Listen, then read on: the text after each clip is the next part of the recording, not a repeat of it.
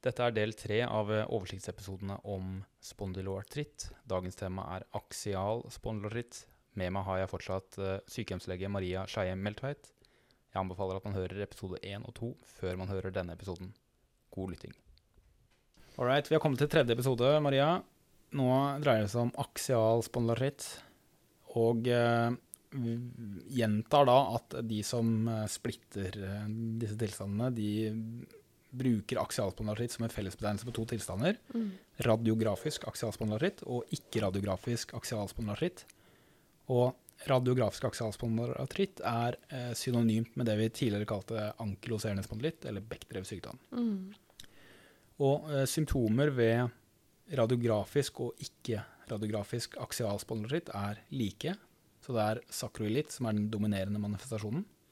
Eh, Spondylitt, altså inflammasjon i andre deler av kolumna, kan forekomme, men det er sjelden at det skjer uten at det er samtidig sakroilitt. Og andre forholdsvis vanlige manifestasjoner er akutt fremre uvitt, eh, helentesitt og hofteleddsartritt. Og I forrige episode så sa jeg tre eh, ting om sakroilitt som jeg syns er verdt å nevne igjen. Det første er at det gir kroniske smerter i korsrygg og eller i glutealområdet. Eh, Det andre er at smertene har oftest et inflammatorisk preg. Og det tredje er at det utredes med MR. Og ved både radiografisk og ikke-radiografisk aksialspondylartritt så forventer man inflammatorisk pregede eh, smerter i korsrygg eller glutealt, eh, samt eh, tegn til sakrolitt ved MR. Men forskjellen mellom radiografisk og ikke-radiografisk aksialspondylartritt er hvorvidt røntgen av IS-leddene viser strukturelle forandringer. Så ved radiografisk aksialspondylartritt så er det tydelige strukturelle forandringer, altså erosjoner og eller ankylose, i IS-leddene ved røntgen. Mens ved ikke-radiografisk aksialspondylartritt så er det ingen eller kun minimale forandringer på røntgen. Og de røntgenforandringene der eh, av IS-leddene det graderes med noe som kalles de modifiserte New York-kriteriene. Og da gir man hvert av IS-leddene en score fra 0 til 4. Så 0 er normalt, 4 er total ankylose, og så er det på en måte eh, spekter fra 0 til 4. da. Og radiografisk aksialspondylartritt det er definert som at det er grad 2 eller mer bilateralt, eventuelt grad 3 eller mer unilateralt. Og så presiserer da igjen at det er ved både radiografisk og ikke-radiografisk aksialspondylartritt at man vil eh, se forandringer i IS-leddene på MR. Mm. Ikke sant? Så det skillet mellom de to eh, fenotypene det baseres på røntgen av IS-ledd. Mm. Og eh, det burde kanskje derfor heller hete røntgenologisk aksialspondylartritt Mm. og ikke røntgenologisk eh, aksialspondylartritt eh, eventuelt da. Men altså, skillet det er på, basert på røntgen, ikke på MR.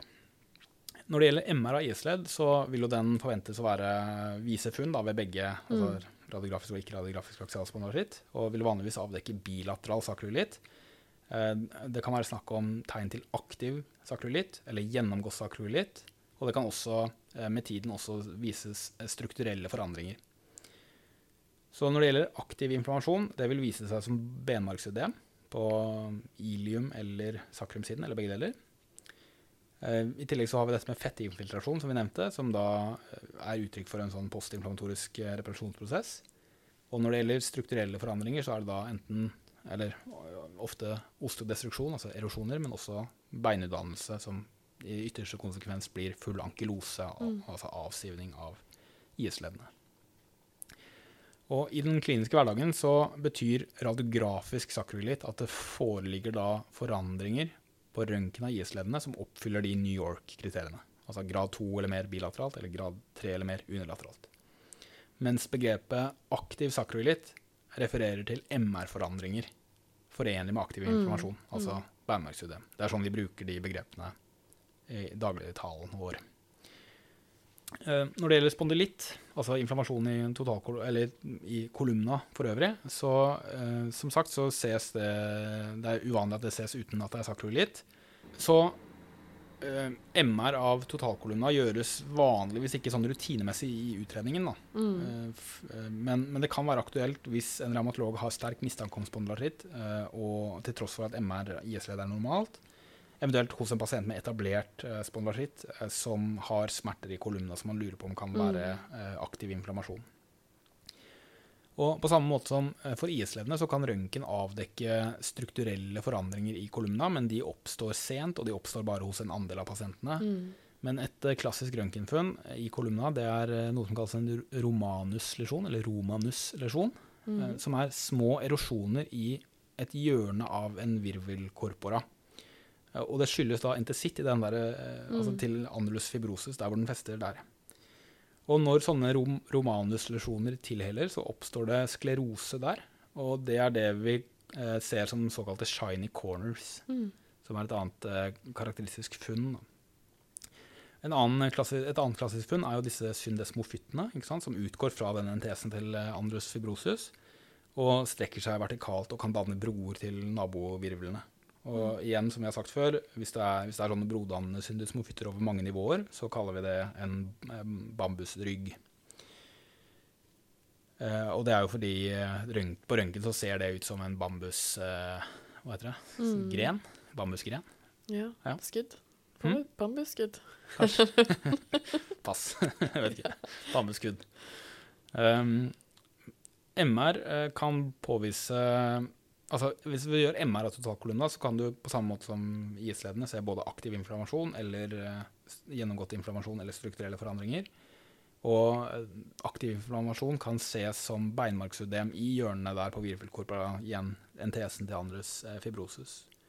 Eh, Men man kan også se udem og tegn til inflammasjon i mellomvirvelskivene, i fasettledd, i kostovertebralledd eller i NTS-ene til spinalligamentene. Så det kan vise mange strukturer kan være angrepne.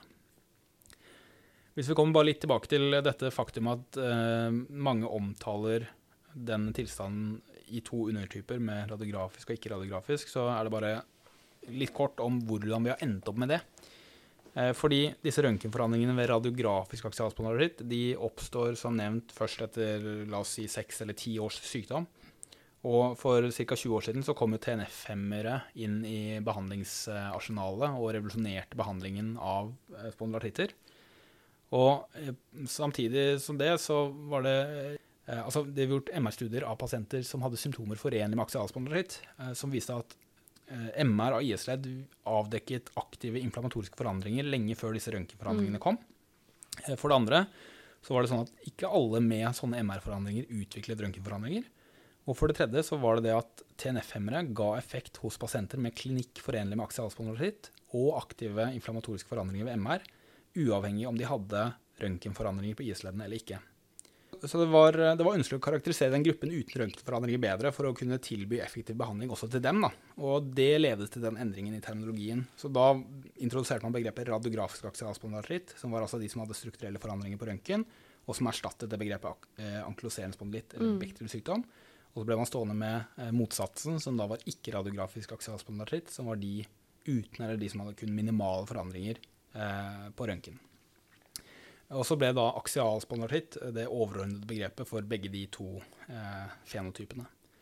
Og tidligere så antok man at eh, ikke-radiografisk aksialspondylaritt var et forstadium til radiografisk Ja. aksialspondylaritt, eh, og at sykdommen på en måte gikk i tre påfølgende faser. da. At første fase var ikke-radiografisk aksialspondylaritt. Mm. Andre fase var radiografisk aksialspondylaritt, altså med radiografisk sakroilitt. Og at tredje fase var radiografisk aksialspondylaritt med brodannende syndesmofytter og ankylose av Mm. kolumna. Men det virker å ikke være tilfellet, da, fordi det er bare en liten minoritet, altså rundt kanskje 10-20% av de med ikke-radiografisk aksialspondylaritt Mm. som virker å utvikle strukturelle forandringer i IS-leddene nok til å kalles en radiografisk aksialspondylaritt. Og av alle mer radiografisk aksialspondylitt så oppstår disse brodannende syndesmofyttene og ankylose eh, kun hos et mindretall av dem. Så aksialspondylitt bør derfor eh, heller anses som en slags kontinuum, hvor det er noen pasienter som har en særlig tendens til å utvikle eh, strukturelle forandringer, mens den store majoriteten gjør det ikke. Mm. Og i den kliniske hverdagen så er skillet mellom ikke-radiografisk aksialspondylaritt og radiografisk aksialspondylaritt mindre viktig, fordi de gruppene har tilsvarende symptomer, de har tilsvarende symptombyrde, og behandlingen er stort sett lik. Mm. Så mange argumenterer derfor for å i klinikken bare bruke begrepet aksialspondylaritt, Mm. og så at eh, begrepene radiografisk og ikke-radiografisk er forbeholdt eh, forskning, egentlig. Ja. Og tar dere egentlig røntgen av de uansett? Det er nettopp det. Altså, for, å, for å gjøre det skillet, så må man ta røntgen, Ja. og det gjør vi, gjør vi veldig sjelden. Jeg gjør det nesten aldri. Eh, Så i praksis så, så gjør vi ikke det. Og så kan du si eh, Hvis det er strukturelle forandringer på MR, så ikke sant. Men, men faktisk, skillet definert er basert på røntgenfunn, ikke på MR-funn. Mm. Så, så du har helt rett. altså Skillet krever en røntgen, og det røntgenet gjøres sjelden.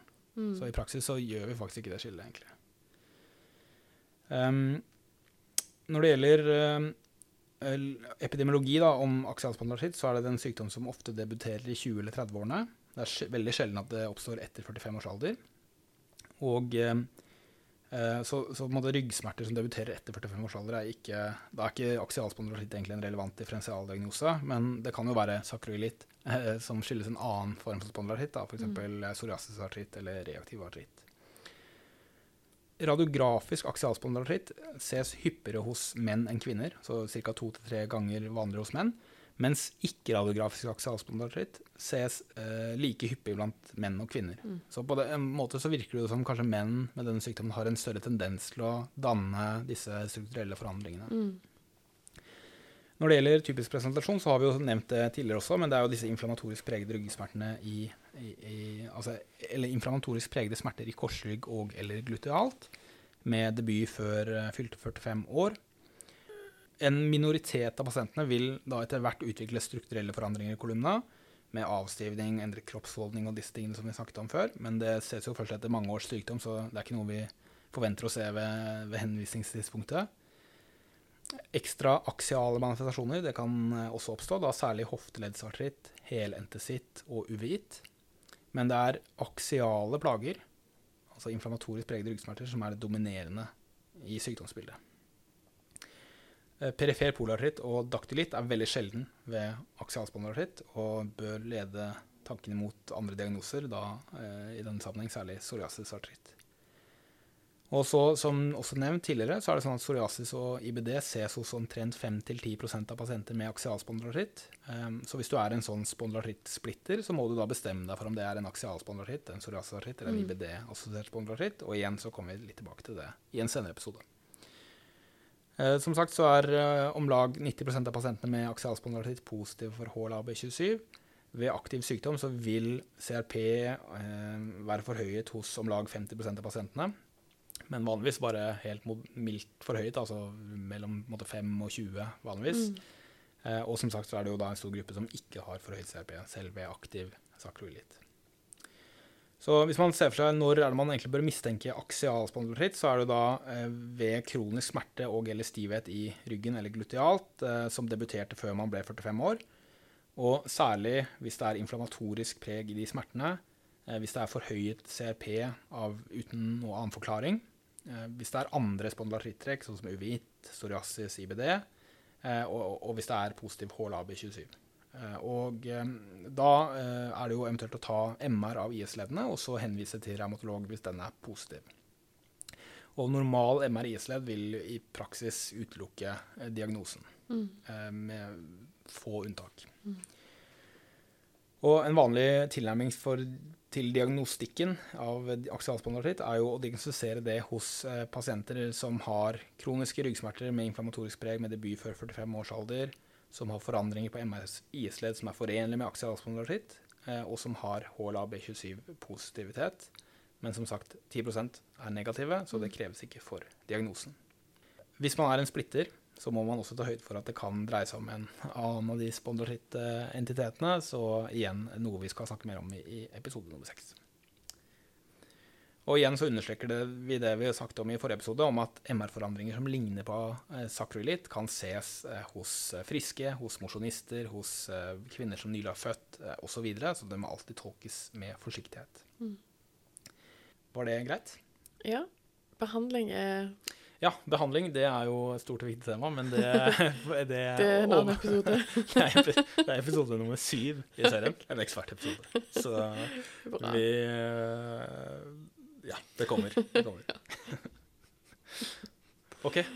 Takk for denne gang. Nå, da ses vi igjen snart for å snakke om psoriasisartritt. Mhm.